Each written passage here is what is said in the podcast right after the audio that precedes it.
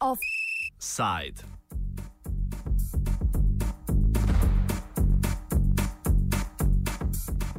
V začetku današnjega offsajda naj vas obvestimo o odločitvi Višjega sodišča, ki je potrdilo prvostopensko sodbo in s tem Janeza Janšo pravnomočno obsodilo na dve leti zapora.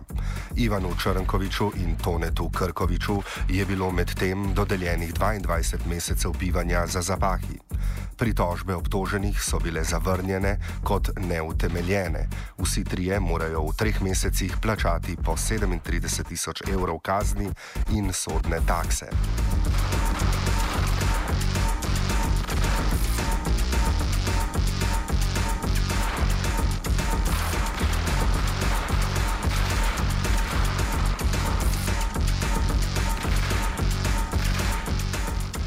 Nadaljujemo z rednim programom. Današnji offside namenjamo porastu ekstremne desnice v Veliki Britaniji, njenim vplivu ter vzrokih za to vrstno dogajanje.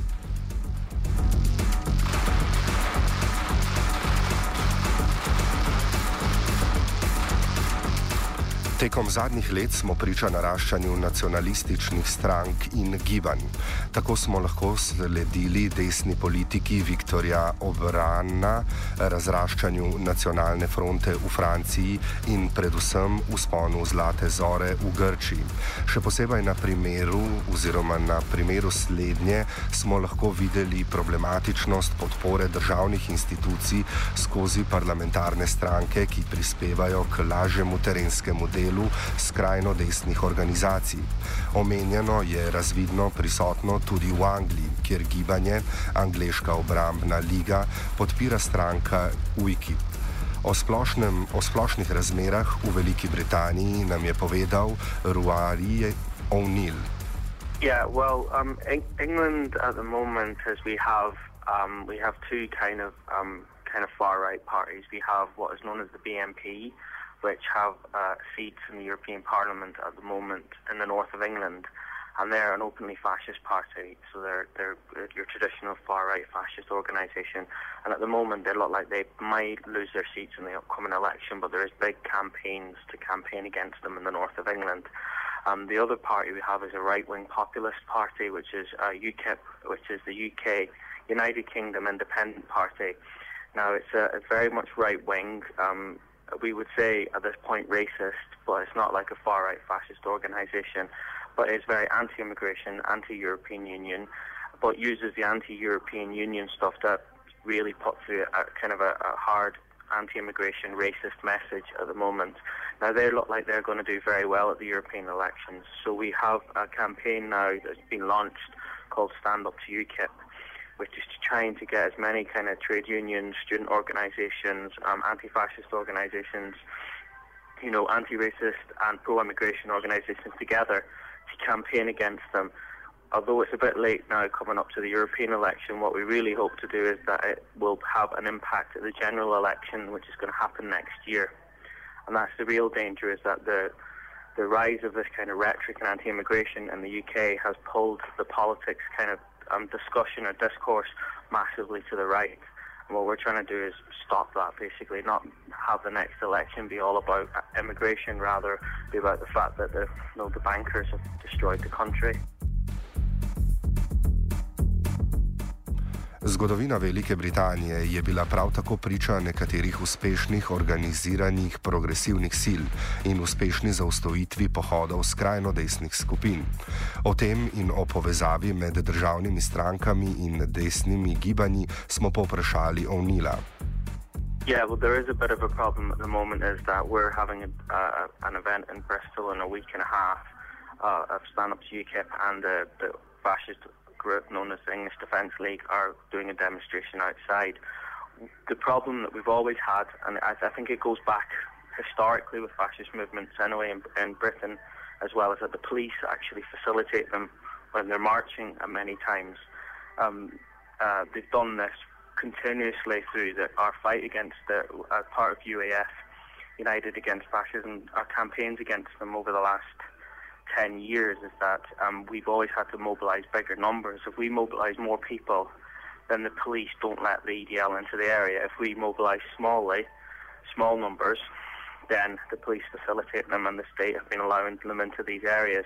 So it's always an argument is that we have to mobilise as many people in the community to say no rather than rely on the state because actually they facilitated them. And if you look back to British history of anti-fascism, there's a famous moment as the Battle of Cable Street in the 4th of October 1936.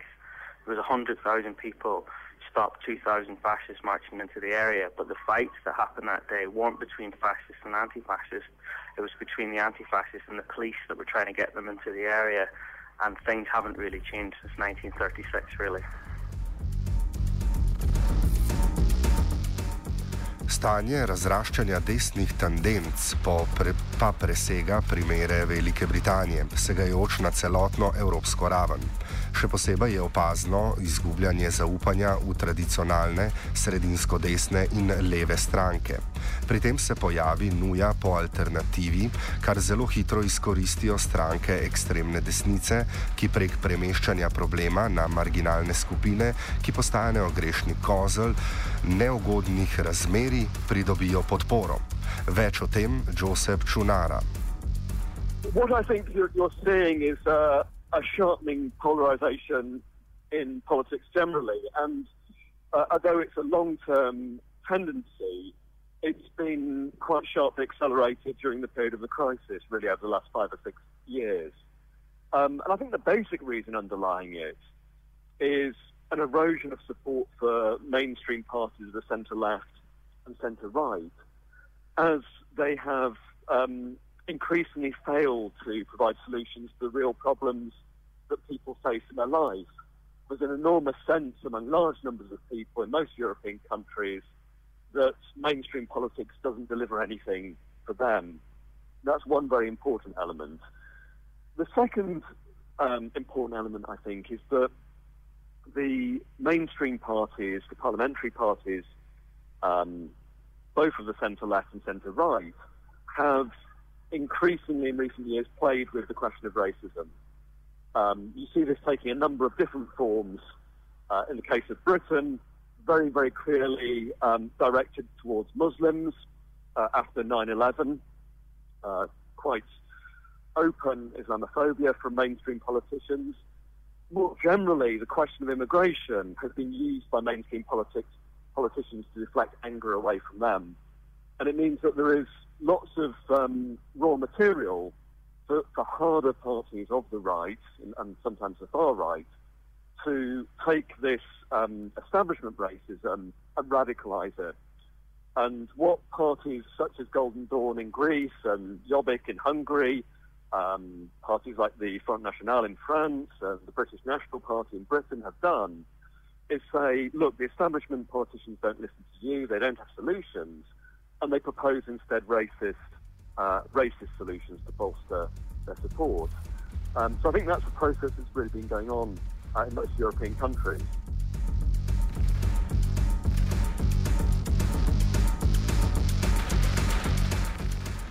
Fenomen fašizma v 20. stoletju je predvsem pripisati ponotranjenju nacionalističnih tendenc znotraj državnih aparatov. Ravno to je ena izmed poglavitnih razlik med sedajšnjo tendenco in razmerami v začetku prejšnjega stoletja.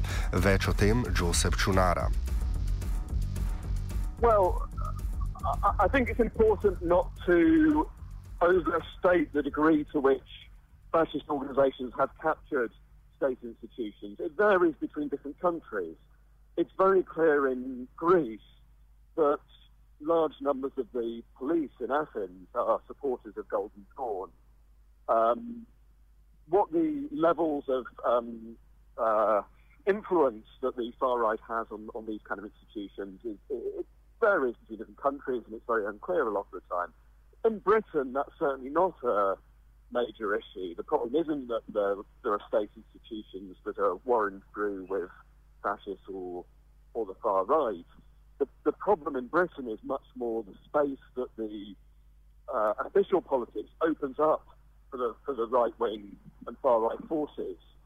Um, traditionally, if you think about the 1930s, uh, far right and fascist movements didn't emerge from within the state, they emerged outside the state, but at critical points they could offer themselves to the uh, ruling class in order to police workers, in order to smash resistance. And at that point, um, that was the point at which the ruling class handed fascist organisations state power. That's essentially what happened both in Italy uh, and Germany in the, in the 1930s. So many of these movements begin outside the state machinery. Most of them aspire to capture the state uh, and, and to use it in order to impose their views on society. But I'm not sure that the major problem at the moment is state institutions in many countries. Kljub temu pa obstaja korelacija med nizkim socialnim stanjem v prednacistični Nemčiji in sedanjim neoliberalnim klestenjem socialne države. Slednje namreč ustvarja ugodne pogoje za razrast skrajno desnih skupin, ki se večkrat predstavljajo kot edina alternativa. O povezavi med neoliberalno politiko in pojavu skrajnih skupin Jozef Čunara. I, I think there is a connection because if you, if mainstream po- politicians' uh, whole program is to try to erode any kind of social safety net for people, um, of course it's going to create antagonism towards mainstream politics, and people are going to look to radical alternatives. Um, if you think about the kind of neoliberal measures that have been pushed through, attacks on healthcare, social services, education, and so on, people look around for solutions. Now, sometimes people look to left wing solutions to these problems. They look to struggle, to self organization, uh, to protest, and so on. But in the absence of a serious left wing um, alternative to neoliberalism, people can move to a right wing alternative. And in many countries, that seems to be uh, what's happening. So I think the intensification of pressure on people's lives, the removal of all kinds of uh, social institutions that make people's lives slightly easier. Uh, all of this adds to the, uh, the capacity of these right wing forces to gain uh, popular support.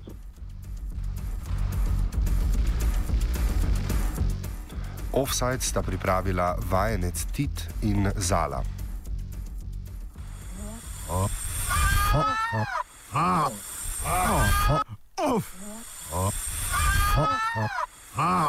Offside. Oh.